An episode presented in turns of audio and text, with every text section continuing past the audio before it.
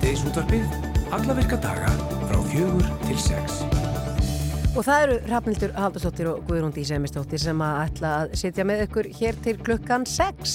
Í dag kom fram eh, nýjar uh, niðurstöður skýslu MAST er varða kvalviðar og þar er talað um að en 60% þeirra kvala sem drefni voru við Ísland og síðast ári drápust sam, samstundis.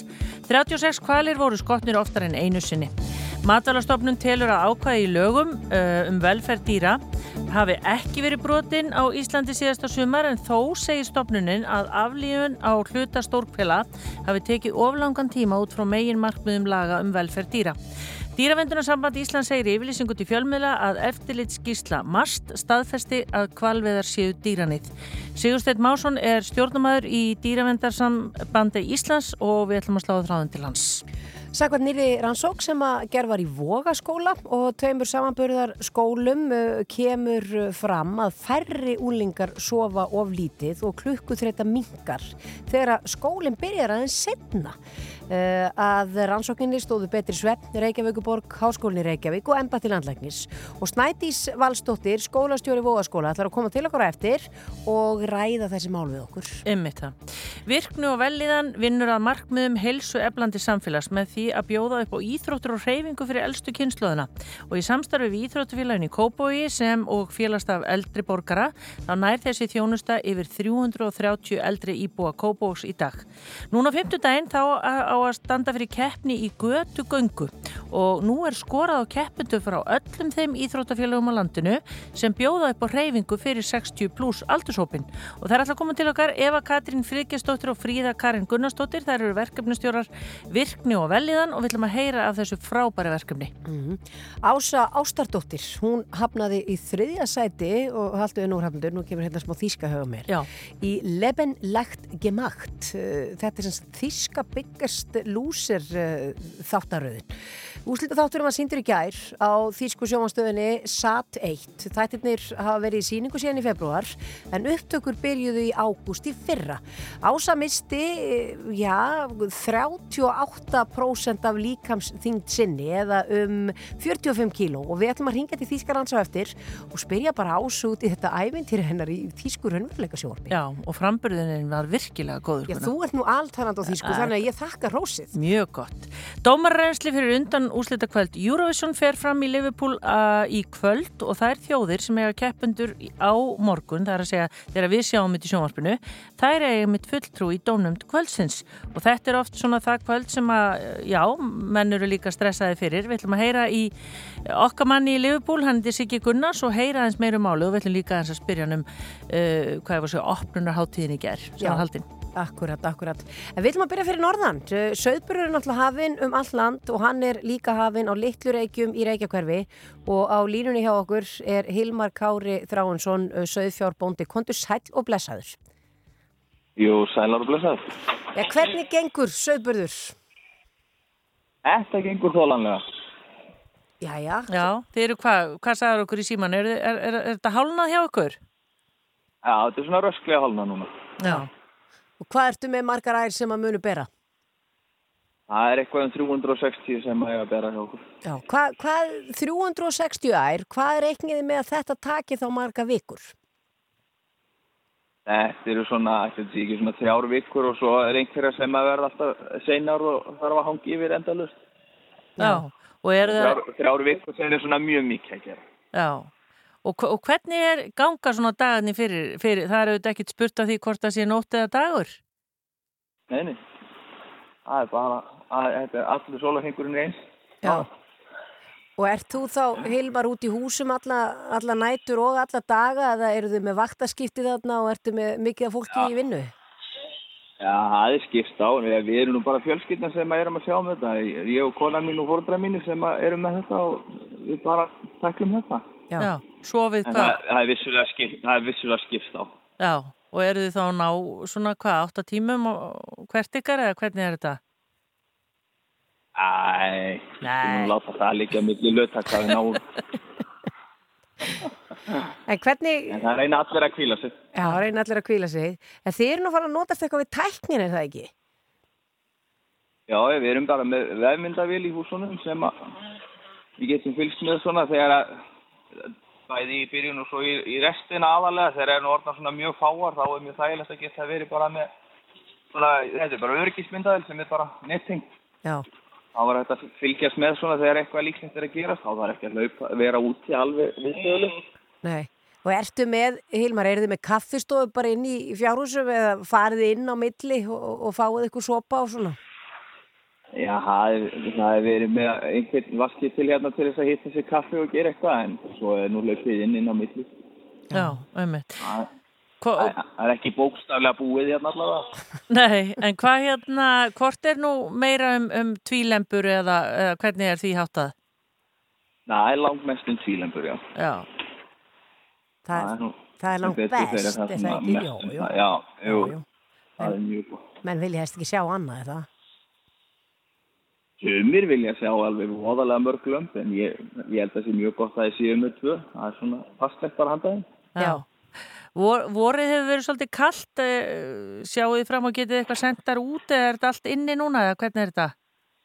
Það er allt inn eins og er en það er nú búið að vera alveg voðalega gott viður hérna núna på síðkasti þannig að það hlýtur að vera stiktast í að leipa þeim eitthvað aðeins út. Já. Hrafnildur hefur ekki Ef það er í fengið, hang, heldur áfram. Já, Hrafnildur hefur ekki fengið sko minnisblæðum það að það er alltaf best að veðri fyrir norðan Já, einmitt. Og- og og og þar tölum við veðrið upp. Það er svolítið þannig. Ha, en, Hil, það er samt búið að vera mjög gott núna på síðkasti. já, en Hilmar, ok, þetta eru þrjár vikur, þið verðið vantarlega fjölskyldan, já, er þreytt eftir, eftir mikla, já, bara þar- eftir söðburðin. Hvað tekur svo við? Tekur við eitthvað sumafrí eða bara sp sp spennan að fara að heia og svona? Náðið eitthvað tímar að kvíla ykkur? Þetta, á endanum örglega, það náðu því, já. Já, Þetta gengur, þetta er bara vinna svo hvað annað, þetta er bara, þetta er álagstími og svo bara, þetta lendur nú orðið mikið orðið saman bara, við, það er, maður er nýbúið með vorvekki, þá er komið að hei, skápaður um slíku og, já, það er ekkert sérstaklega sumafrí, það er svona reynd að skreppa kannski aðeins frá einhverja daga yfir sumarið. Já. Nú þú valdir þetta að vera búndi. Já, það er bara hannig, Já, þetta bara fylgir já, já. Þetta fylgir því. Við vonum að Já. gangi vel Hilmar Kári, uh, Þráhansson, Söfabóndi uh, á, á Litlu Reykjum. Bara takk fyrir að vera í sambandi við okkur. Við heyrum hann að jarmið í lömbunum, við ætlum ekki að trubla þetta mikið lengur. Já, Ha. bara bestu kveðjur og gangi ykkur vel áfram. já, takk fyrir það. Takk fyrir og bless. Bless.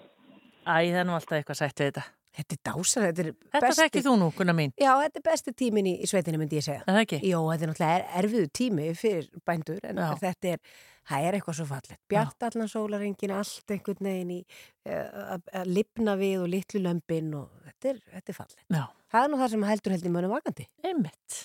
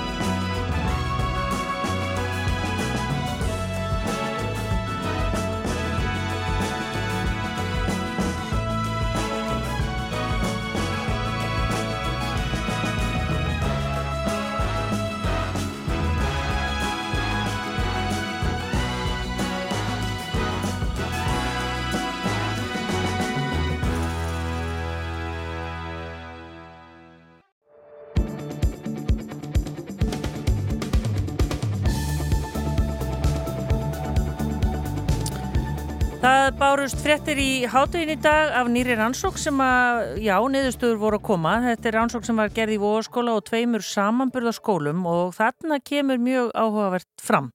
Uh, og það er það að færri úlingar sofa of lítið og klukkuþreita mingar þegar að skólinn byrja setna og uh, þetta er rannsók sem uh, fjölmarkir aðeila stóða að betri svepp, Reykjavíkuborg, Háskólinn Reykjavík og Embætti landlæknis og hingaði komin Snædís Valstóttir sem er skólastjóri í Vóaskóla, velkomin Snædís. Takk fyrir. Segð þú okkur, hvað hérna, það er náttúrulega bara haft samband við ykkur og, og ykkur er búið að taka þátt í þessari rannsók. Já, það var í rauninni sko síðasta skólaár, þá var skóla og frístundasvið að leita eftir eh, skólum sem að myndu mögulega vilja taka þátt í þessari rannsókn og við höfðum mikinn áhuga á að taka þátt og, og já, og svona sjá hvað, hvað kæmi út úr þessu, hver er yfir nýðustöðunar því að við höfum bara áhuga á því að gera allt sem að mögulega bætir hag og líða nefnda okkar. Þannig að við vorum mjög spennt fyrir að taka þátt í þessu og hérna gerðum það. Já, og þetta er sem sagt venjulega bara svona við skiljum þetta skóladagurinn byrjar hvenar undir venjulegum kringustæðum Sko venjulega síðustu árin hefur skóladagur allra nefnda hjá okkur frá fyrsta til tíundabekk hefur hann byrjað 8.30 en núna þetta skólaár þá hefur úlingadeildin 8. 9. og 10. bekkur þeir hafa byrjað tímyndur yfir nýju. Já, þannig að það munar 40 myndum. Það munar 40 myndum og það er greinilega að gera heilmikið fyrir úlingana. Já. Já. Er þetta valkvægt bara eftir skólum, hvena skólinn byrjar á mótnana? Er þetta bara ákverðun hversu eins? Já, í, sko, í sjálfu sér er það þannig. Við vorum fyrir nokkurum árum, ég man ekki alveg hvaða ár það var, þá breyttu við úr því að byrja tímyndur yfir 8 yfir í 8.30 það þótti mörgum vera stórt og mikið og, og jafnvel skrítið skref. Já. en hérna, já, það gafst bara vel og ég held að við lengin snúa tilbaka úr því. En nú er eftir að sjá hvað gerum við með þessar niðurstöður. Nú, það að byrja tímyndur yfir nýju með úlingana þetta hefur líka svolítil áhrif og skipulaði hjá okkur í skólastarfinu það færist allt svolítið til, við erum ekki að fækka kennslustundum, þá við byrjum einni kennslustund síðar, þá bara er skólinn lengra fram á daginn. Já.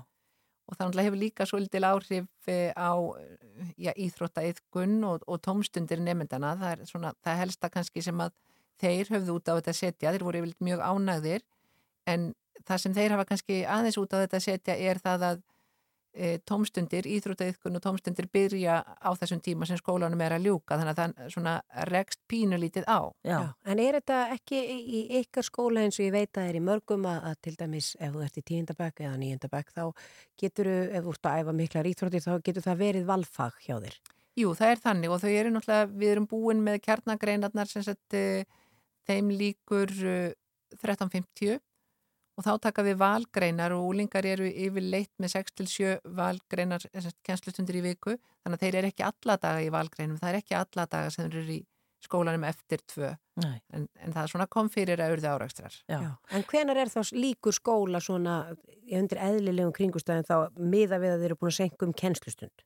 Uh, ef þú ert í valgrein þá ertu búin í skólanum 15-10 þann, þann dag sem þú ert í valgrein. Já En, en megin niðurstöðnar eru þær að nefnendur í vóaskóla að þeir vaknast setna en fara ekkit endilega setna að sofa. Já, það er með það sem kom í ljós og það var, fyrstur var farið að ræða þetta, það voru náttúrulega margir sem sögðu, já, ef þau með að vakna setna, faraðu þau ekki bara setna að sofa. En rannsóknir ellendis hafa sínt að það er ekki svo og þessi rannsók sínir það líka, þau fara að sofa á sveipuðum tíma á áður en þau sofa bara aðeins lengur já.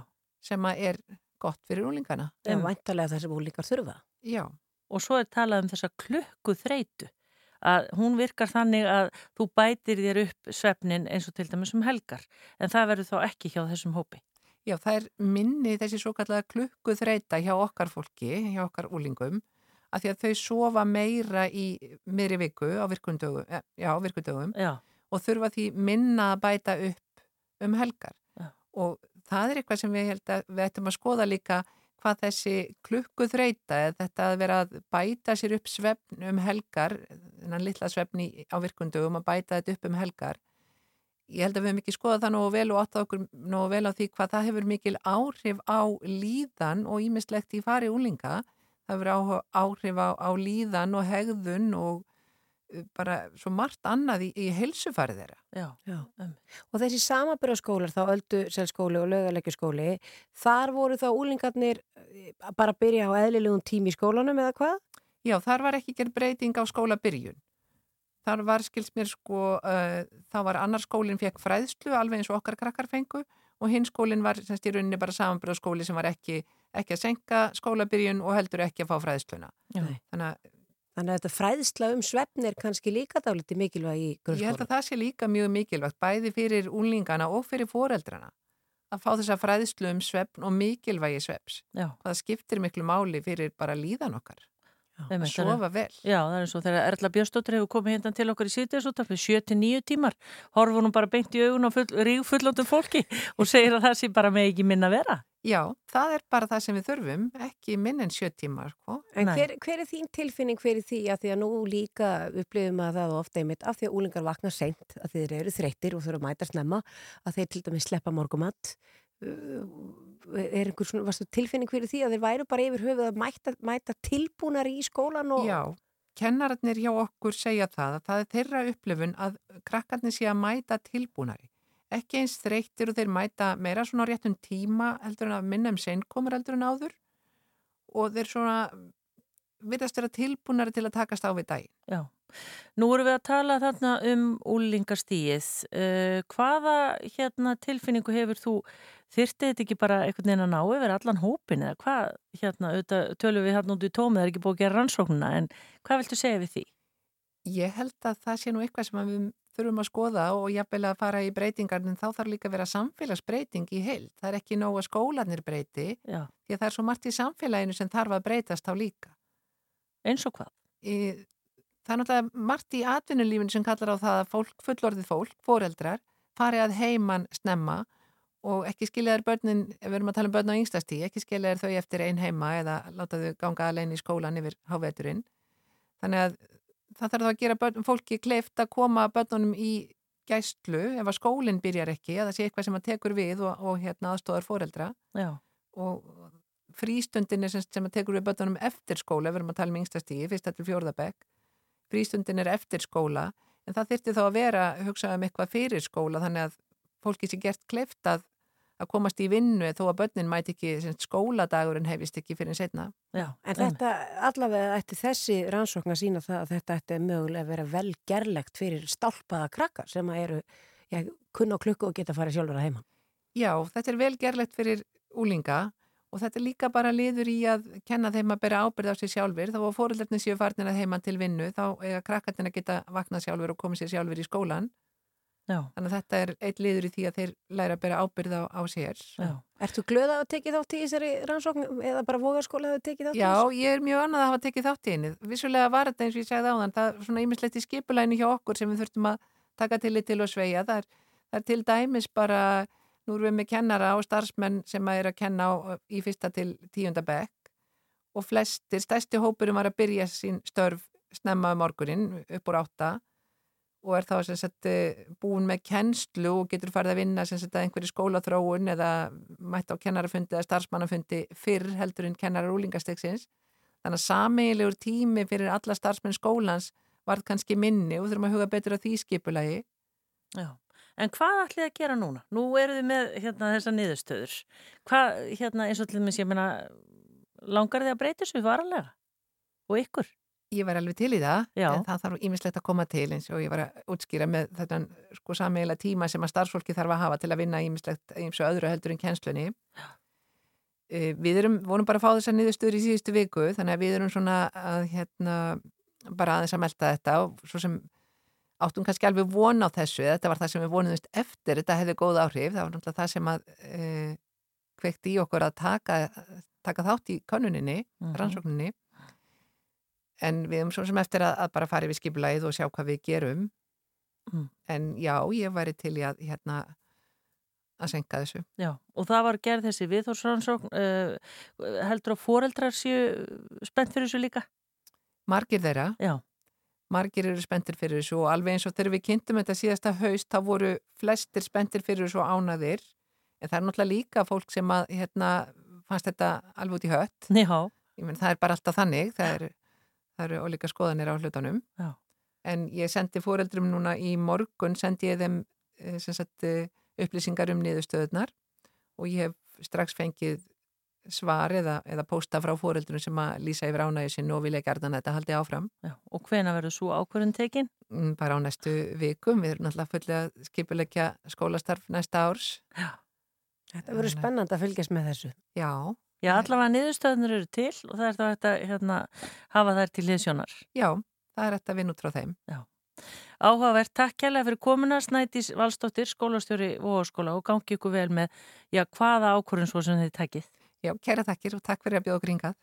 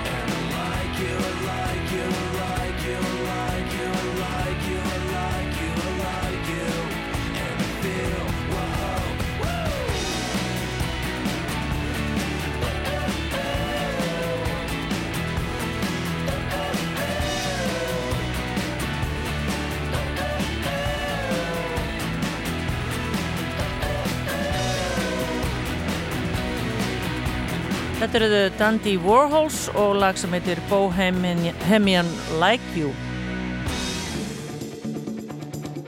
Ég ætlaði nú ekki að setja þetta stað, ég ætlaði að gera þetta hérna. Veðurhorfur næsta sólaringin. Nú maður er ekki fullkominn. Rafnildur mín, þú ert það næsta sem kemst í að vera fullkomin, það er nú bara þannig. Já, en þú fært komið nýtt stef, kunna mín. Já, ég kom með veður, uh, já, tónana hérna, matla hérna undir. Nú þurfum við aðeins að líta til veðurs og aðtöða hvernig grillveðri verður annarkvöld. Já, við ætlum að grilla. Já, maður verður alltaf að grilla eitthvað aðeins. Það þarf að vera helst búin að grilla fyrir sjö, vel Já. fyrir sjö. En svo það maður ákveður sko á maður að grilla bara pullur á morgun af því við erum ekkert með í keppninni hafa hambúrgarar eitthvað betra kannski á, á uh, fimmtudaginn Og svo eitthvað ennþá betra á lögadag. Já, Já. eða kannski ég, maður er rosa gott að grilla til dæmis bleikju. Það er við við Nú ætlum- eða gremmit. Við ætlum í veðrið. Í veðrið, það er austar og suðaustan 5-10 metra á sekundu og súld eða rigning með köplum, þurft að kalla á norðanverulandinu en dáli til væta norðaustarlands í kvöld. Og hiti verið við á, víða á bílinu 7 til 14 stig. Já. Ragnhildur. Það er, er hitabilgja. Já, og alltaf 17 stigum á norðausturlandi þau voru nú að tala með hann Hilma Kára bónda áðan í Reykjavíkverfi eh, og hann sagði að það væri búið að vera aðeinslind veður og það er nú vona á bara næst í 17 stigum Já, já. Ja, já. ja. Það er breytilega á 3-8 á morgun og súldið þetta aldrei rigning með köplum en úrkomi lítið á Austurlandi, gott að grilla þar. Mhm. Hiti verður 4 til, 4 til 12 stig og það er svalast á Norðurlandi. Það er skamt stóra högg á milli, það er hérna svalast á Norðurlandi, ég skil ekkert í þessu. En ef við kíkja þess á þriðdægin, þá, akkur þetta er alltaf, við erum jafnvel að fara aðeins austar heldur en Reykjakverfi því á eigilstöðum er sko 15 gráður á morgun Já. og sól. Þetta er svona, þetta er kannski bara minn gamli, eh, mínar gömlu heimaslóðir sem að verður svona bongo Það verður bongo. á vopnafyrir, ég held það. Æja, En það annars er svona bara mildt veður, einhverjur örfóðu drópar og við erum náttúrulega að stressa okkur úr því. nei. Þetta lítur svona út, við ætlum hér eftir smástund að heyra í konu sem að hafnaði í þriðasæti í keppni sem heitir Leben Lætt gemacht. Já, hérna kom alvöru hreimur, Rannildur. Fögur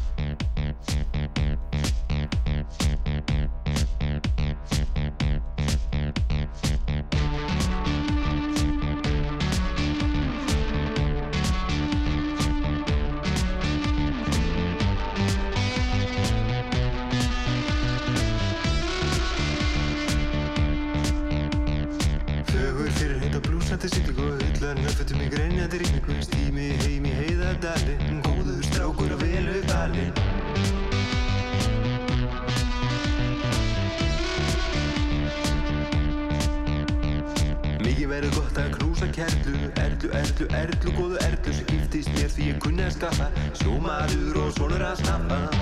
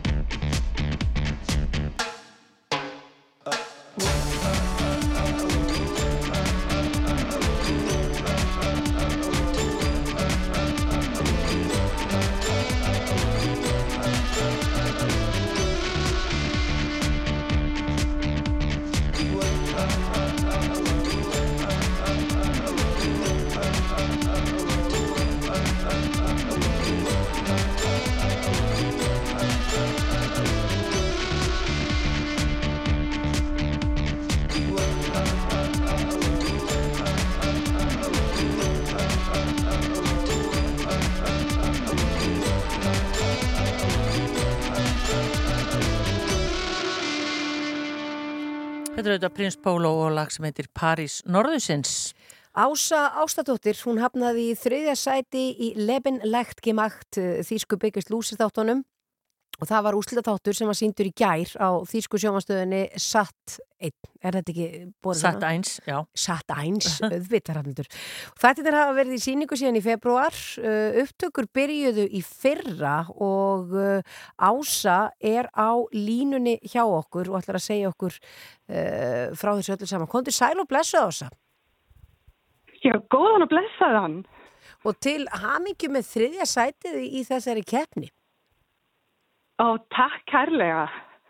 Hvernig ása stóð á því að þú hendir þér í, í ég bara raunveruleika sjómarp?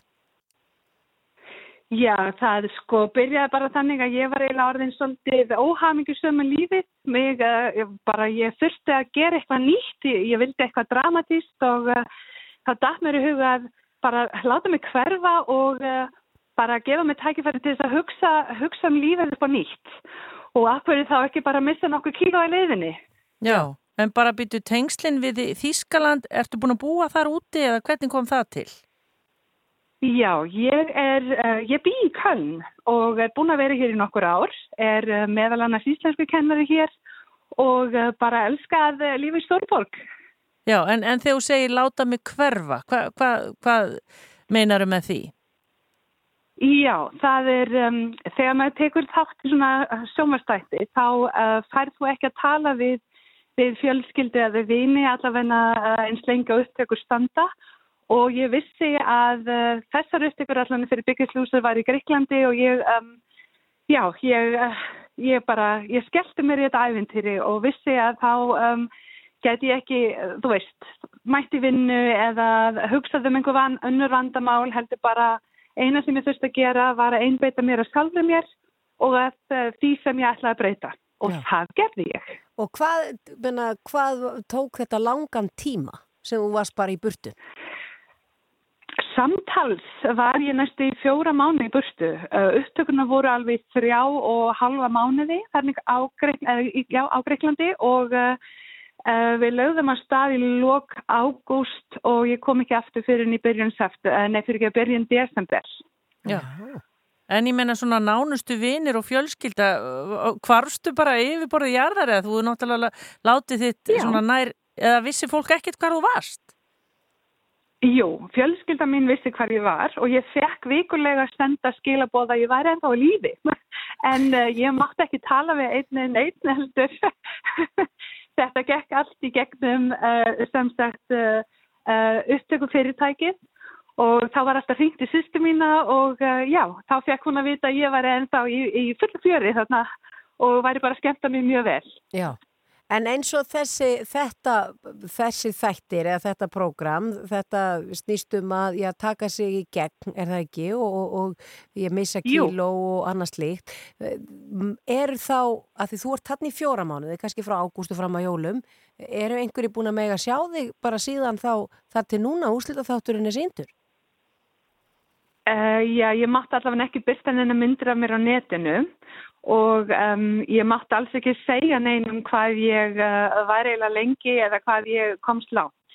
En fjölskyldan mín náttúrulega sá mig leið að ég kom frá Greiklandi þannig ég fór beitt til Íslands mm -hmm. og um, uh, annars hef ég bara verið að fela mig svolítið mikið sko en nú hérna nú má ég byrta myndir af mér. Já, en hver ásta, ása bara svona galdurinn við þetta? Þú, þú segir hann í fyrirsögnan og viðtal við í morgumblæðin í dag, uh, þú neytar að svelta þig en Hvernig virka þetta þá? Já, það er náttúrulega það. Uh, ég, sko, uh, ég, ég laði mikla áherslu á það að borða hotlan og góða mat sem sagt um, passa upp á prótenið, uh, allavega prótenintökuna. Ég hérna, borðaði alltaf skýr á mótana og fekk svo einhverja mjög góðar græmitisúpur um hádegið og kannski eppli setjapartinn og ég, um, sko það sem ég gerði var að hreyfa mig rosalega mikið. Og ég mælu með því bara að byrjið á því að hreyfa ykkur, hættið að taka bílinn, lappið, maður þarf ekki alltaf að hlaupa, það snýst ekki um það, en hreyfið ykkur, hvert skref skiptir máli. Og það er það sem ég gerði. Ég var bara rosalega dugleg að reyfa mig allan daginn, var allan daginn að gera eitthvað og uh, stóð náttúrulega mest uh, marga klukkutíma á hlaupabretti. Mm. En nú eins og ása, nú náttúrulega eh, náður einhverjum árangri sem hefur verið, þú hefur verið búin að ná um áramót og svo hefur verið vantarlega haldið áfram og eh, þú ert búin að missa hvað, 45 kíló í heldina eða? 45 kíló, jöpp. Alveg svaka. Það er bara heil manneskja. Það er manneskja, nánast. Já. Mjög grönn manneskja, vísu. Það er úlingur. Já. en hvað? Ég meina, hvernig ætlar svo, hvernig viðheldur þessu? Hvernig ætlar að gera það? Uh, ég passa eins og er uh, ennþá hvað ég borða. Ég til dæmis smikkaði rosalega hérna að drekka vín. Það er bara, um, allavega þú veist að kvöldin var maður vanur að fá sér bjór eða vinglas og ég sleppi því. En ég get ekki hægt að sleppa, þú veist, ég get ekki hægt að borða súkulaði eða keks eða kökur. En uh, ég er bara búin að minka magnir. Já, þannig þú ert að gera þetta bara... Þannig það er ekki heilt Þú ert að gera þetta bara á, Já, á, á, bara á heilbreiðan hátt. Þú ert að leifa þér alls konar hluti Já. en ert að borða bara minna og ert að, ert að hreyfa þig á fullu með. Það er nefnilega það. Já. Það er nákvæmlega það sem ég geri. Já. En ása, ert ekki orðin heimsfræði í Þýskalandi? Jú, að sjálfsögðu. jú, jú, það er hérna, uh, þetta er nú svolítið skemmtilegt. Um, ekki bara því það var íslenski fánin í sjónvarpunnu og þetta hef ég náttúrulega talað um Ísland mikið og, og er náttúrulega með þetta frábæra nafn þannig að það vissi allir hvaðan ég væri en um, svo hérna var nú svolítið skemmtilegt að það var líka notið, sko íslensk tónlist var lögvundir uh, þættina þannig það var bara ímislegt uh, íslenskt við þessar upptökur núna í ár. Já. Og myndir ása því að oft hafa nú, maður hefur heyrt, við hefum náttúrulega hort á þess að þætti allavega byggast lúser, maður hefur búin að horfa á þetta oft og þetta var með þess að farið í þetta hér á Íslandi og, og það var svona neikvægt umtal líka um þetta, en ég meina, hver, hver, hvernig myndir þú, já, tólka þetta, bara jákvæð og góð upplifun? Já, þetta var það besta, þetta var alltaf það besta fyrir mig. Uh, ég vildi þetta ævintýri. Ég var alveg tilbúin að uh, láta brjóta mig niður og byggja mig upp aftur og ég var alveg tilbúin að, um, að, að já, líti í eigin barm og viðurkenna þessa villu sem ég hafi gert. Ég er að meina, ég, ég var orðin það stór, það feit að ég var greinilega ekki búin að passa nóg vel upp á sjálfa mig. Og ég lærði það þarna uh, einmitt um, í þegar maður fer að hreyfa sér svona mikið þá gefur þú líka tækifæra að hugsa aðeins um því gang hvert ætlar í framtíðinni, hvað var ekki rétt í fortíðinni, þú ert að vinna úr þínum málum og það er bara eitthvað sem ekki allir eru tilbúin að gera.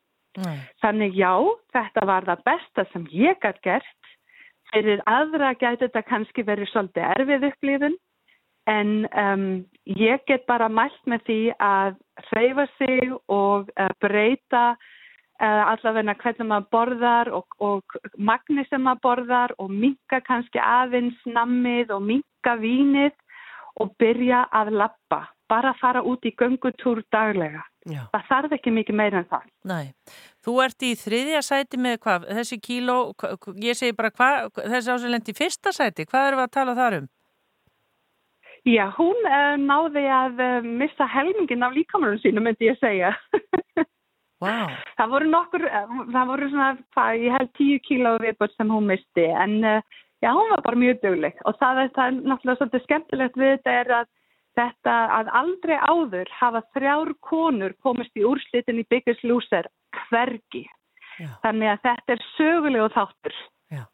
Já, ég skal segja ykkur það. Ása Ástatóttir, bara aftur innilega til hamingju með þetta og, og bara takk fyrir að vera á línu hjá okkur og gangið er áfram vel. Takk að þess að hafa mig og við semst þá bara örgli í sumar. Já, og bestu hverjur.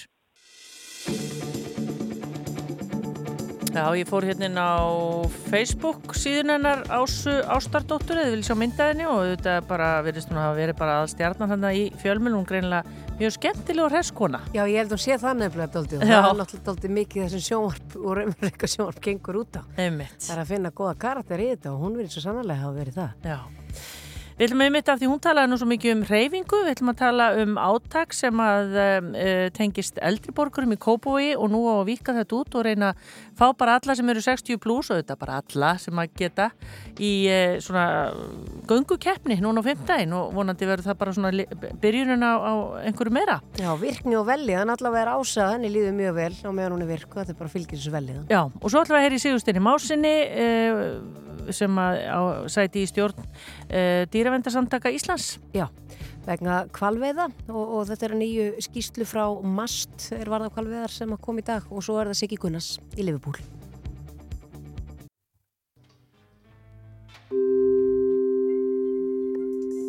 Úrval gönguhjálpatækja, Stöðlaberg, Stórhauða, Krón Oil, Óljur, Bílanöst.is, Hamburgerabúla Tómasar, þriðudags tilbúð á þriðudögum, Hamburgerabúla Tómasar, Símaveski.is, Smáralind, Startarar, Alternatorar, Ljósbógin.is, Djastónleikar, Erindi og Spurningakeppni og Plötubúð, Djasþorpið í Garðabæ 19. til 21. mæ.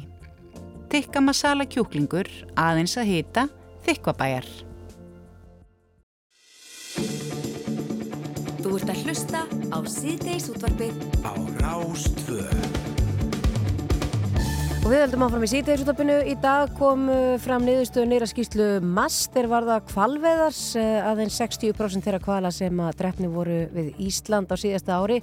Drápust samstundis 36 kvali voru skotnir oftar en einu sinni. Matalastofnun telur að ákvæði í lögum um velferð dýra hafi ekki verið brotin við kvalveðar á Íslandi síðasta sömar.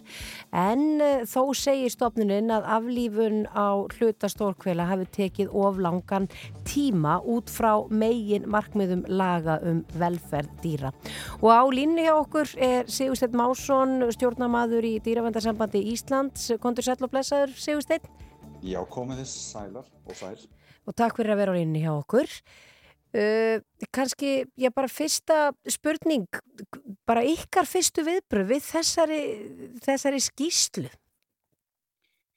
Já, skýslan segir það sjálf að það er óásættanlega hátt hlutfall uh, vetrakvala sem að eftirliti náðu til sem að þjáðust. Og uh, sko, ég átti nú alveg vona því að þetta liti illa út en að uh, niðurstaðan veri svona svakaleg eins og raunverð vitni um, ég átti sannlega ekki vona því. Þarna erum við með dæmi um það að tveir kvalir eru skotnir með fjórum skuttlum annar það tekur klukkustund að aflifa hann og það tekur tvær klukkustundir að aflifa hinn. Og síðan er það miðgildið á tíma þessara 41% sem ekki eru drefnir samstundis sem er bara hátt í helmingurinn af, af koronavöldum og, og þá er semst, tíminn frá því að sprengiskutul stingst inn í hold dýrana og 4,5 kg dínamít springur inn í þeim 11,5 mínúta. Og einhverjum kannski kann að finnast að 11,5 mínúta sé ekki langur tími. En uh, hér erum við að tala um uh, dýr með heitt blóð 37 gráður blóð uh, og eru með mjög háþróa töðakerfi þannig að þetta er ríkalegt dauðastríð í mjög langan tíma sem er eiga sér stað þarna í mjög mörgum tilfellum. Já Uh, Sigursteinn, það kemur hann fram í þessari skýrslu mast að uh, ákvæði í lögum um velferð dýra hafi ekki verið brotin við kvalveðar á Íslandi uh, síðasta sumar. Hvað hefur þá einhvern veginn þessi skýrsla einhverja þýðingu? Og ég átta mig ekki alveg á þessari setningu í annars merkilegri og, og, og góðri skýrslu. Um, þeir segja sjálf eins og ég segi bara svo ég vitni orðrætt í það og þá er óásættanlega hátt hlutfall sem að þjáist. Og uh, þeir segja líka að veiðarnar uppfylli ekki markmið laga um dýravelferð. Um, hvernig það er síðan fundið út sem að mér finnst nú að vera þversög að uh, veiðarnar uh, standist samt sem áður dýravelferðarlög út frá því að þarna að því að mér vilist síðan menn bara í bestu trú og með uh, bestu fáanlegu tæki og bestu fáanlega tækni sem að augljóslega dugar svona hrikalega illa. Um, ég átta mikið alveg á því að það skuli vera þá útskýringin á því að, að þetta standist í rauninni lög. Þetta kallar á, á uh, sérstakar uh, skýringar. Já, en ég meina hvað þarf til þess að já, brjóta þá þessi lög? Bara, ef að 11 eða eins og þú segir 12 mínútur uh, að, af einhverju dauðastríði er ekki nóg, hvenar ertu í rauninni að brjóta á dýri? Það er náttúrulega mjög góð spurning. Um, eins og ég segi, þetta er, er fersögn í þessu, mast kemst að þeirri niðurstöðu að þetta, þetta sé óhásættanlegt. Um, hins vegar þá uh, kann að vera að það fyrir að skelpa á lögunum og að þau séu of óljós hvað þetta varðar.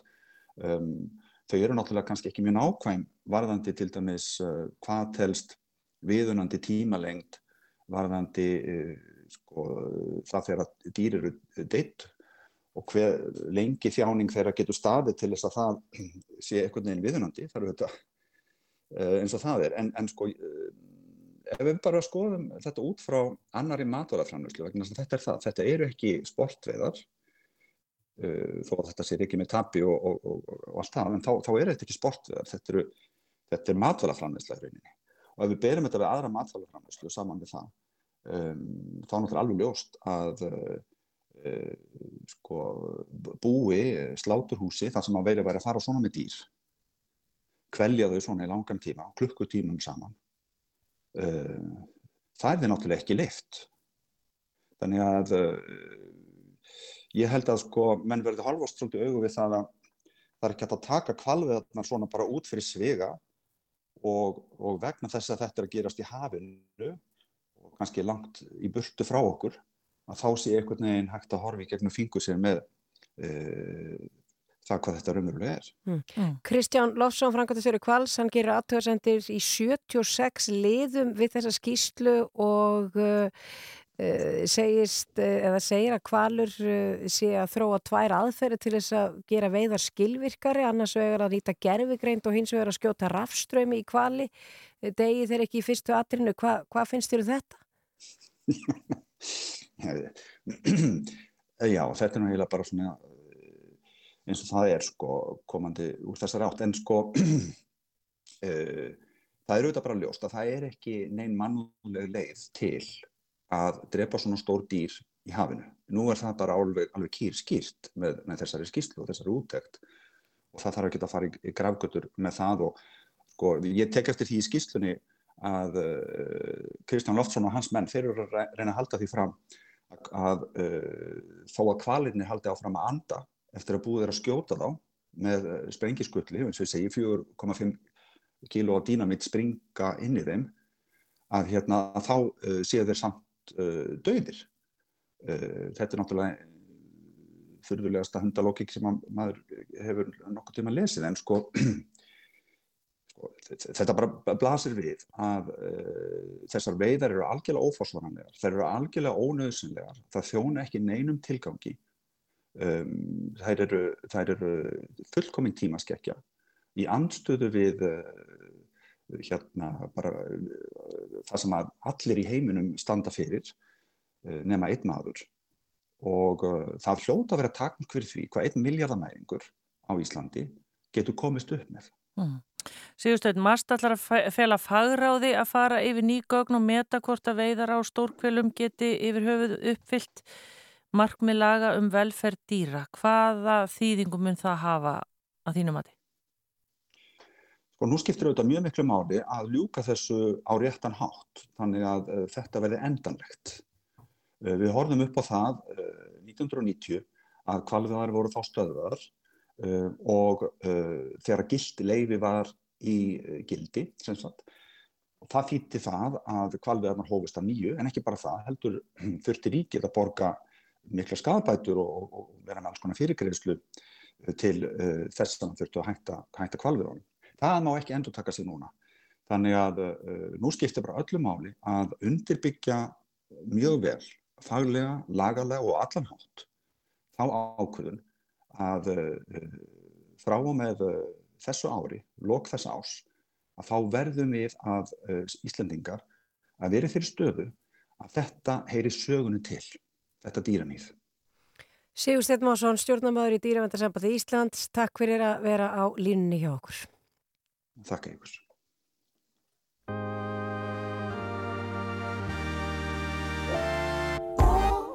Sama hvað amaða, þarna þegar við kvöldumst Klæðir sólskinni þið síðfælt betur Dó, kom ég við meðan dagspirtanum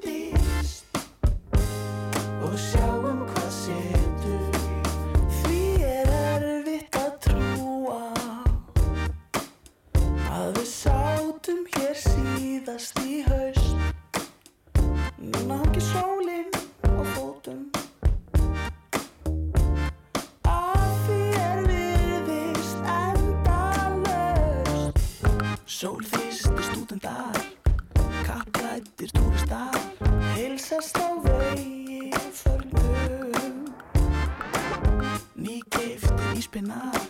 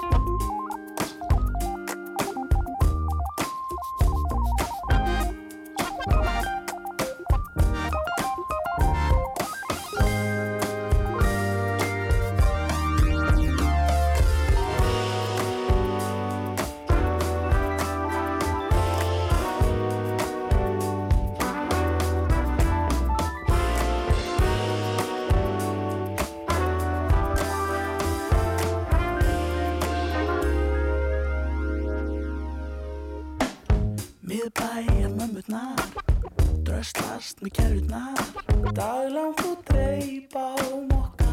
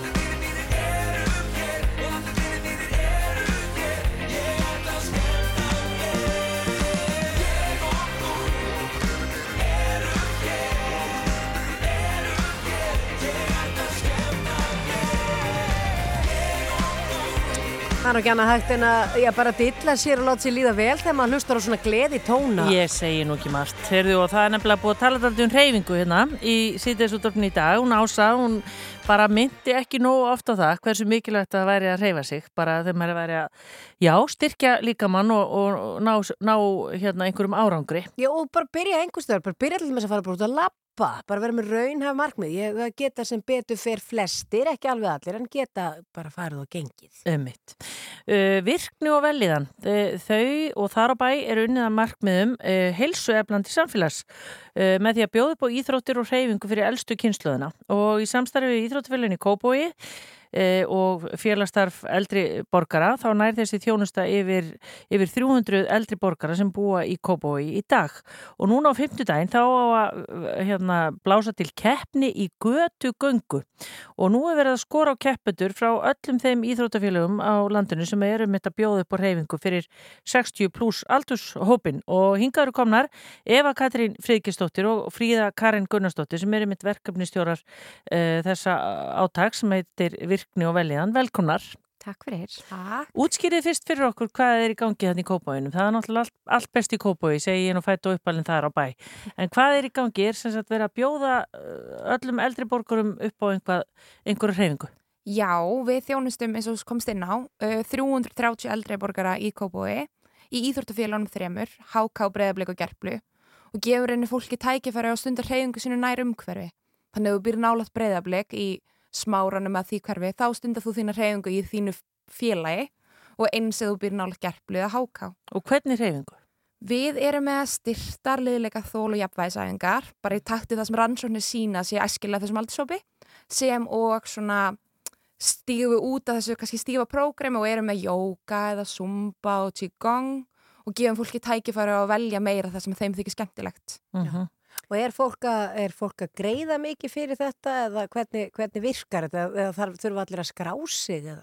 Uh, já, fólk skráir sig í þetta verkefni og hérna þetta sem sagt kostar 3500 krónur á mánuði Mm. og, Og hérna- bóðið upp á svona helling sem að fólk getur valið um. Já, þetta er vel niðurgreitt af bænum. Já. Um, þannig að 3500 krónir er rauninni lítið hluti á þeim raunverulega kostnaði Mhm. um, en eins og það komið inn á þann þá er bara ávinningurinn er margfalt meiri og Mm. er svona Og þá fáðu þá svona eins og bara stundartöflu hvað er í bóði þessa vikuna og mega þá bara mæta eins og þau vilja. Já, við gefum út stundutöflu bara fyrir önnina. Hvað er í gangi hverju viku? Til dæmis á, uh, í þessari viku erum við með alltaf tvær æfingar fyrir, í hverjum hóp. Við erum með nei, 15 hópa hjá okkur í dag og eru sérska 18 manns í hverjum hóp hjá okkur. En hvernig skiptið ykkur, hvernig farið þið, eru þið að gera þetta bara tvær eða hvernig? Nei, við erum orðin alveg fimm starfsmenn Já. sem erum í kringum þetta en við erum einu tvær í fullu starfi. Bæ, en, já, bæði sérst í hérna, íþróttafélagunum og einnig í félagsmiðstofunum Já, í bænum. Já, við byrjum í fyrra að byrjum að færa ykkur inn í félagsmiðstöðuna líka en við tölum oft um það að við sem tvískiptan aldurshóp sem sagt yngri hlutan og svo kannski aðeins eldri hluta þetta er náttúrulega breyður aldurshópur Já. og erum við kannski með svona svolítið meiri kræfandi æfingar inn í íþróttafélagunum og svo inn í félagsmiðstöðu bæjarins erum við aðeins einfaldari útgáfu en við teljum þó við getum aðla allar æfingar að öllum þannig allir eru velkominir í íþróttafélag og allir eru velkominir inn í félagsmiðstöðunar Já, en er, er fólk að sinna þessu? Mætir það reglulega eða byrja allir voða spenntir á haustinu og hægt að svo koma eða hvernig er því hátta? Það er alveg ótrúlega flott mæting alltaf hjá okkur. Það er aðeins farið að svona hérna minga svona þegar líða fyrir á sumarið. Við missum bara fólki í golfið. Já, Já, það fara oft í hérna golf og alls konar ferðir og við Já. stundum oft talað um það í svona óttobir þá langar okkur stundum að færa bara starfsemin okkar bara til Teneríf eða, Já. eða að því það er svo margir sem að fara þangað. Já, kannski svo staðurinn sem við erum stoltastar af í þessu er er að við erum með 99% áframhald Já. á milli anna. Þannig að í rauninni halda alltaf allir áfram hjá okkur Já. og hefur starfseminn, við fjölgum um 80 núna frá áramótum og stefnum á að stekka á verkefni bara áfram eins lengi og fólk vil koma að stað, sko. Mm. Ég heyrði einhvern tíman að því að þið eru til dæmis að búið upp á, er það ekki göngu í fífunni, í fótboltahúsinu eða er hálka úti eða eitthvað Já, slíkt? það er alltaf hægt að koma að ganga bæði í fífinni og háká kórnum. Já, og rekst þetta ekki á við það sem er þar í gangi á svona virkum dögum eða hvernig? Nei, að því að það, við sérst erum að reyna að nýta bara þessi íþróttamannverki sem e- standa annars bara auð á mótnana áður en að yngri hérna, kynnslun fyrir á æfingar og svona. Þannig að, já, En þetta hvernig, er fyrir hádegi alltaf. en hvernig er ykkar upplifun af því að þetta er virkni, veist þarna er fullt af fólki að gera alls konar, þetta lítur auka svakalega vel í þann hjá þessum bara aldurshópi og líka bara gott að vera í til er einhverjum hópi, að því þegar maður er kannski hættur að vinna, þá er maður í vinninni til er maður hópi, en þarna er maður að hitta alltaf sama liðið í rektinni, er þetta ekki gott? Jú, þetta er ótrúlega, sko, líka því að við, erum, við leggjum svo mikið áherslu á félagslega þáttin. Við erum með hópþjálfun, þú hittir alltaf og æfir, sem sagt, þú ferð alltaf á æfingu með fólkinu þínu. Mm. Þannig að þetta er, já, Já. Já, og svo erum við með ymsa félagslega viðbyrði líka. Við erum með, við erum með páskabingo og svo eins og gönguna. þorrabrót. Já, jólahlaðborð og svo sest alltaf fólk niður hjá okkur og fæ sér kaffi saman eftir æfingar og það er kannski bara stærsti félagslegi þátturinn. Fólk Já. hittist og spjallar og, og við sjáum alltaf hverju önn hvað fólki kynnist betur og betur. Já. Frábært, heyrðu, en það er semst núna á fimmtudaginn, þá ætlið að skora á bara uh, 60 pluss um land allt. Hvað á að gera? Já, við ætlum að vera sérst með götu göngu keppni en þetta er sérst ganga sem fer fram frá breyðablик fífunni uh, og ætlum við að ganga 3,4 kílometra og fer þetta fram eins og götuhlaup. Þannig að fólk fær rásnúmer og það er flaga inn í rásnúmerinu sem tekur tíman en í raun vildu við raunum bara útbúa umgjör sem fólk kannast við og þekkir. En er hugmyndin bara að skapa skemmtilegan viðbur sem fólk getur komið saman búið til hópefli fyrir um, þessi félög sem er að bjóða upp á svona reyfingu Já. en þetta, þú þarft ekki að vera skráðan eitt félag það með hver sem er koma og Þannig að þið viljið fá fólki til ykkar í kópóin. Já. En ég, ég held kannski að þið væri að skora á það sem eru bara út um allt land að gera eitthvað á þessum degi. já, við erum að reyna að fá fólki til okkar taka þátt í þessu Já. en við erum með, já eins og ég segi þetta verður svona viðburður, það er skipulegu uppbytun og það verður tónlist og svo er já, gengur fólki og það endar inn á blikavelli og það sem við ætlum að vera með kynni og þetta verður hugmyndin er bara að gera einmitt, hafa þetta svolítið Já, skemmtilegt en þetta og, verður bara stemning og fólk verður ekkit endilega að skrá sig, þarf bara að vera 60 pluss. Það er að vera 60 pluss og hægt er að skrá sig inn á hérna, Virkn og Veljan Facebook síðanu Já, eða inn á heimasíðu Kópásbæjar og já, bara við hvetjum alla 60 ára og eldri til þess að skrá sig. Klukkan hvað byrjar þetta? Þetta byrjar klukkan þrjú og Frábært. bæjastjóri ætlar að ræsa við breyðablik. Og svo er það bara fer liðið allt beint í Eurovision partíu eftir. Nákvæmlega. við erum sko virkilega búin að hvetja fólki til þess að halda Júriðsson partí Þetta verður góð uppbytun fyrir Eurovision. Já, geggjað. Það er sérst virknu á velíðan, þetta er skrásið þar en hérna og svo bara fyrir þá sem að vilja taka þátt í starfinu ykkar, er það bara, hérna, getur maður bara mætt á fyrstu æfingu og Já, bara finn okkur, við erum eh, að senda okkur skilabókinu virkna veljan eða inn á Já. heimasíðu bæjarins og við tökum vel á móti öllum sem vilja koma og mæta. Bara, já. Eva Katrín Frikistóttir og Fríða Karin Gunnarsdóttir verkefnastjóri hjá Virknu Veljan. Takk fyrir komin og gangu vel og góða skemmtun á, á fyrir. Og við segjum bara áfram Ísland síðan. Já, sem er leiðis.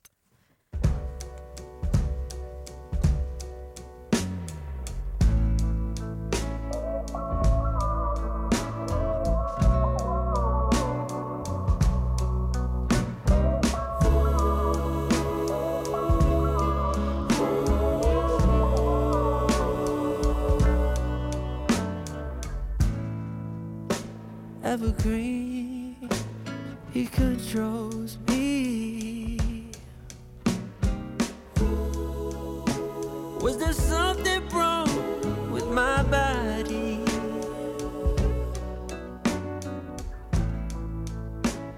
Am I not what you wanted?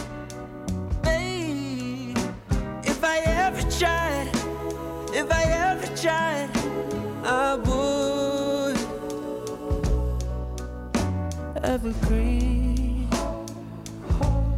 He tears me to pieces.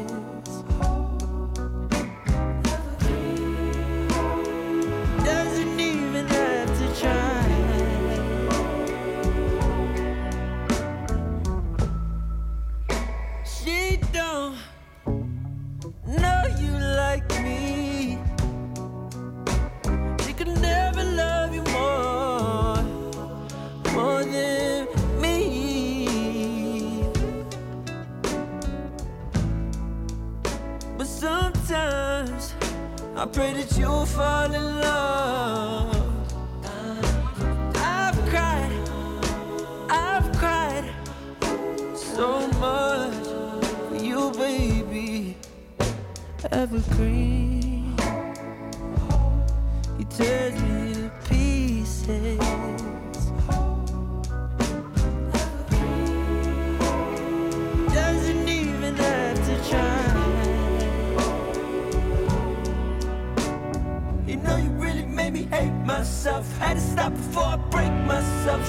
broke it off to thank myself. You didn't deserve at all, at all, at all.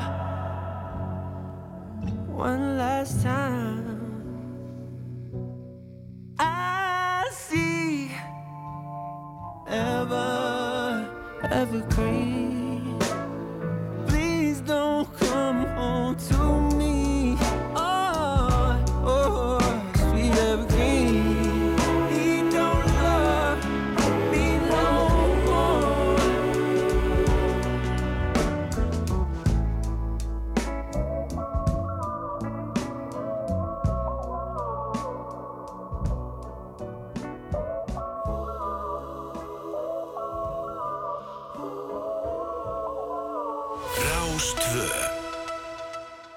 Á leiðinni heim, síðdeisútvarpið frá fjögur til sex á Rás 2.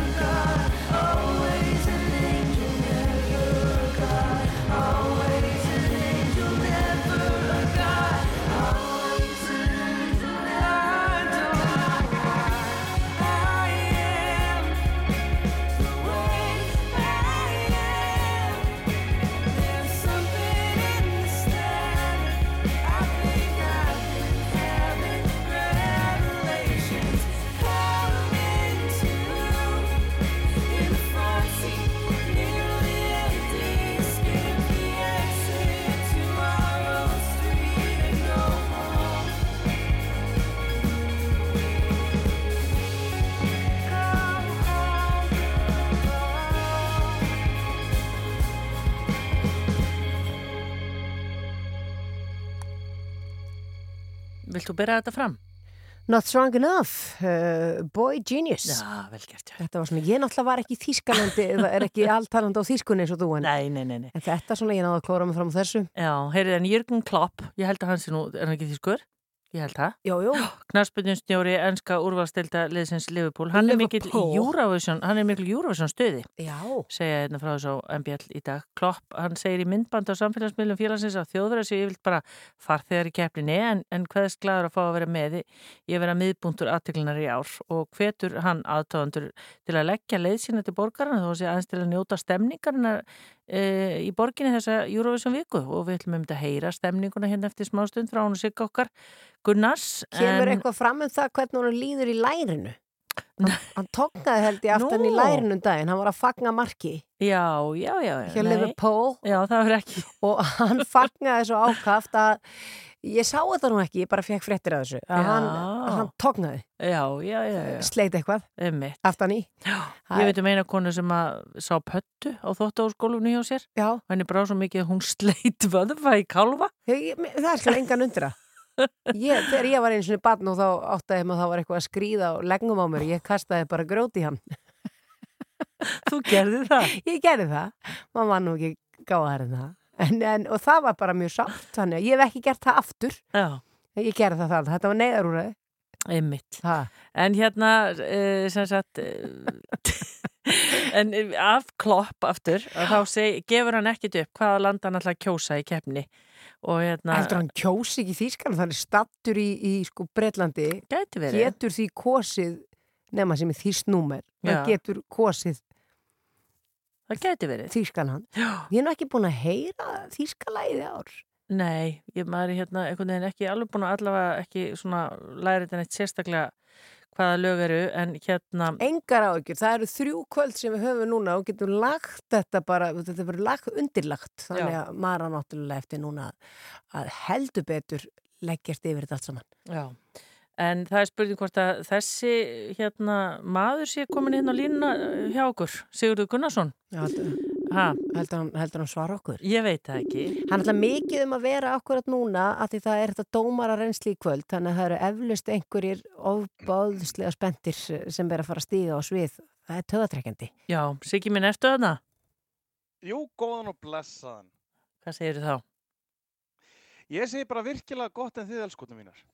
Já, við erum hressar sko, við hérna vorum að lesa hérna frétt af MBL af Jörgen Klopp og, og hérna hvað hann væri spenntu fyrir Eurovision og vildi bara sem flesti kæmu til borgarinnar í svona stemningu Já, já Liver- það er Liverpool. Mikil, já, það er mikil stemming í borginni. Náttúrulega stemmingin stigmagnaðist í gær. Við vorum, sko, erum búin að vera hérna núna í viku og í gær var svona opnunarháttíðin, formlega opnunarháttíð. Síðasta vika fór bara svona æfingar og fíniseringar og svo leiðis og núna er sko sirkus sem byrjaður og, og maður finnur fyrir því að svona andrumsloftið í borginni hefur heldur betur breyst. Maður heyrir hérna svona þú veist, uh, hérna, tónlist allstaðar, það er, það er tónlist sem ómar um alla borgina hérna neðan úr Eurovision þorpunu, það sem eru tónleikar og, og uh, já, fullt af fólki komið í borgina og allir uh, spenntir fyrir því sem á að koma skal. En hvernig eru heimamenn að taka þess að því nú breytar ekkit alltaf verið opbáslega hrifnir af júróinu og kannski ekkit alltaf meira verið að gera gísa þessu svona heldur en að, heldur en að taka þátt í stemningunni. Eru þeir, er, meina, er fólk hann í Liverpool? Er þetta bara stemningsfólk og allir á slánaðir?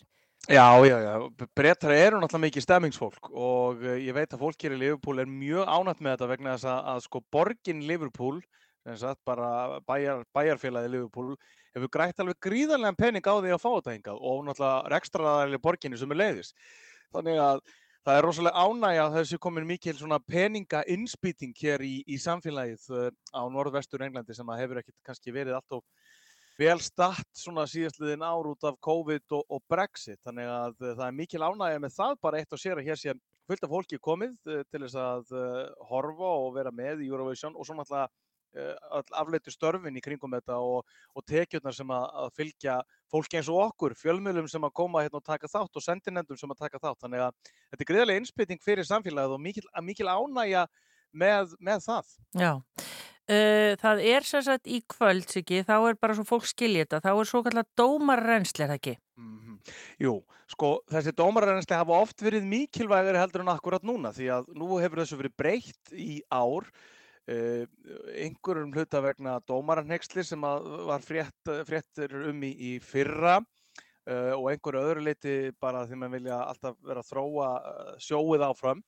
En sem sagt dómnefndirnar hafa ekki 50% vægi í ár í undanúrslutunum Eh, þannig að það er bara sem sagt atkvæði áhænda nema ef uh, það kemur það þú staðu upp að símkostningin einhvern veginn virkar ekki eða það er ekki að fá góða niðurstöður eða, eða réttar eða eðlilegar niðurstöður þetta heldur út úr henni þá gilda atkvæði dómnefndar. Þannig að þetta er ekki sama stress og hefur verið undanfærin ár en, en samt sem áður mikilvægt að, að negla þetta. Þetta er svona smiðsöngi sem það þarf að, að reka á þetta fyrir eh, annað kvöld þegar að kettnin verður í beinu útsendingum. Býtu þannig að það getur alveg vel verið að þetta kvöld í kvöld uh, já, það, eða þessar domnemdir það, það mun aldrei koma til þeirra atkvæði en mm. keppendur eru þó vantalega alltaf að græða og svo að því þetta er þá náttúrulega mikil og góð generalpröfa.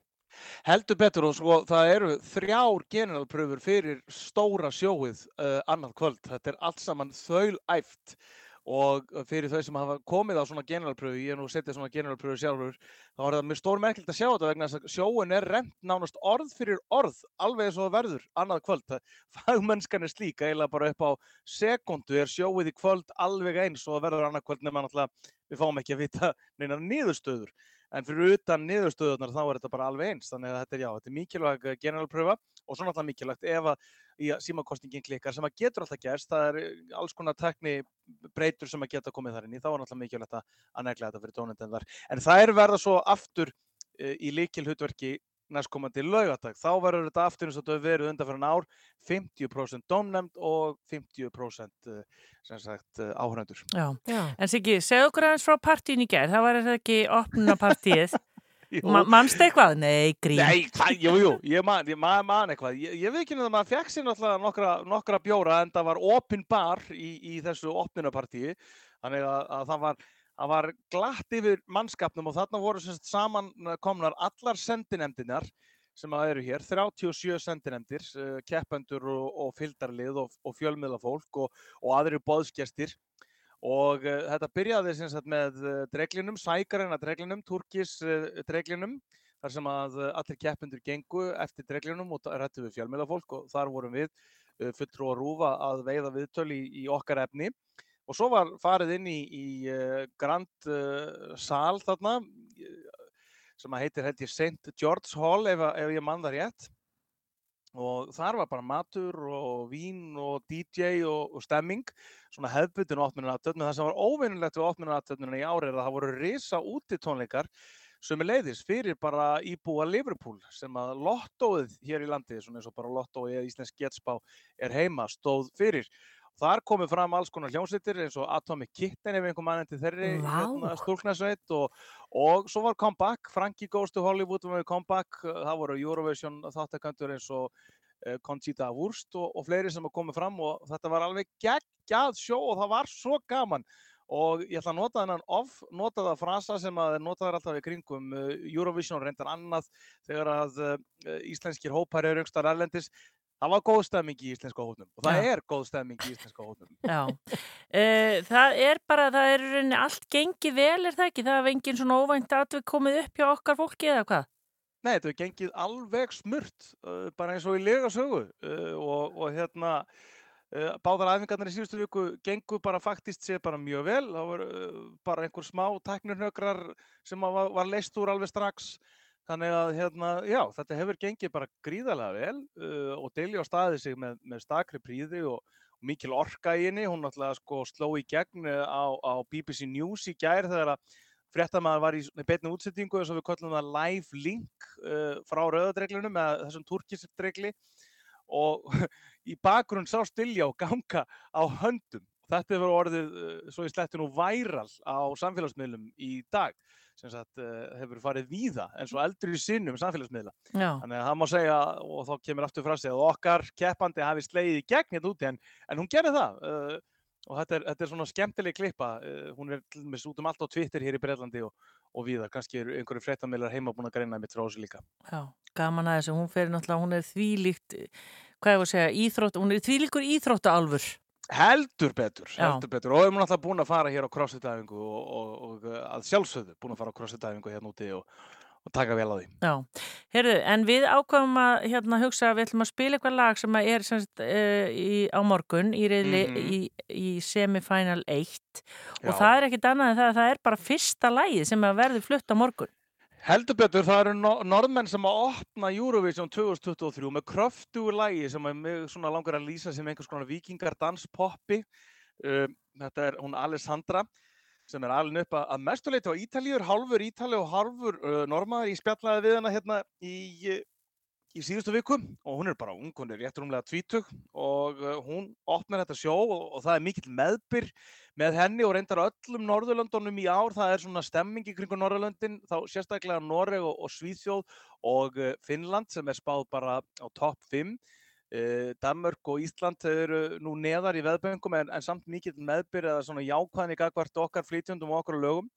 Þannig að það er svona norrænt partí og vonandi verður bara uh, öll fimm norrænu uh, löndin þarna í, uh, í sem laugardaginn, sagt, já. Og lögadaginn og, og færi er þar með taldar sem sagt að því að hann er færiðingur sem að, að hérna að, að er fulltrúi dana. Já, en, þetta það er, var- já, en það er þannig núna Siggi bara að- að Mhm. ítreka það að breytingin er svo að við, er það ekki, það mega allir kjósa. Það hefur alltaf Nei. verið það. Já, það er bara löndin sem er á Það morgun. er bara löndin sem hann, við erum ekki að fara að kjósa á morgun. Nei. Það sem við erum að fara að gera, við erum að fara að kjósa á fimmtudaginn Já. og að lögadaginn óháð því hvort að við komumst áfram, en auðvitað ætlum við að komast áfram. Já. Þannig að við getum bæði kosið á fimmtudaginn í okkar riðili og svo lögadaginn óháð því hvort að við Einmitt, það var það var þá, þá mun okkar stigakinnir eh, sama hvort við verðum með á, kvöldinu þá verður stigakinnir okkar allavega með á kvöldinu þannig að veist, eh, það er orðið þannig að þetta eru 37 lönd núna í ár það er náttúrulega bara x mörg sem komast áfram eh, sem sagt 26 lönd sem að taka þátt á loka kvöldinu allir fá allan að vera aðeins með með stigakinnurum, þessi 37 lönd Já, já, það verður alltaf stemning á lögadaginn alveg sama Mhm. hvað. En við, við erum bara, við erum nokkuð bara ána með okkur hérna og, og höfum trú á, á verkefninu, heldur betur. Já, hvað er svo í kvöld? Hvert að fara núna? Nú er bara uh, vinna. Uh, Við erum að klippa hér á fullu þáttinn Daðmál í Bítlaborginni sem að verður síndur á föstaskvöldinu og strax farin að vinna að næsta þætti og ég get lofað mikill skemmtun þar.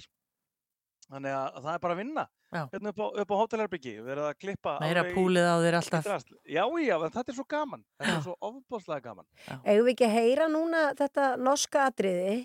Mm Uh, Aesandra. Aesandra. Al Alessandra, Alessandra, Norges besta stemme. Já, já, já. Queen of Kings. Heyrum þetta hérna Siggi og svo bara heyrum við þér á morgun og hinn og hinn og hinn og hinn. Algjörlega, ég sakna ykkar öskurnar, ég sakna ykkar. Sömuleiðis. Takk fyrir þetta. Bless, bless. Bye. She, queen of the kings, running so fast, spinning the wind. Nothing in this world can stop the spread of her wings. She, queen of the kings, broken her cage, threw out the keys. She will be the warrior for north and southern seas. Got raven hair, it's dark as night. Icy eyes, out of sight, out of sight. Her heart is bright, is warm and bright. Her smile awakes the northern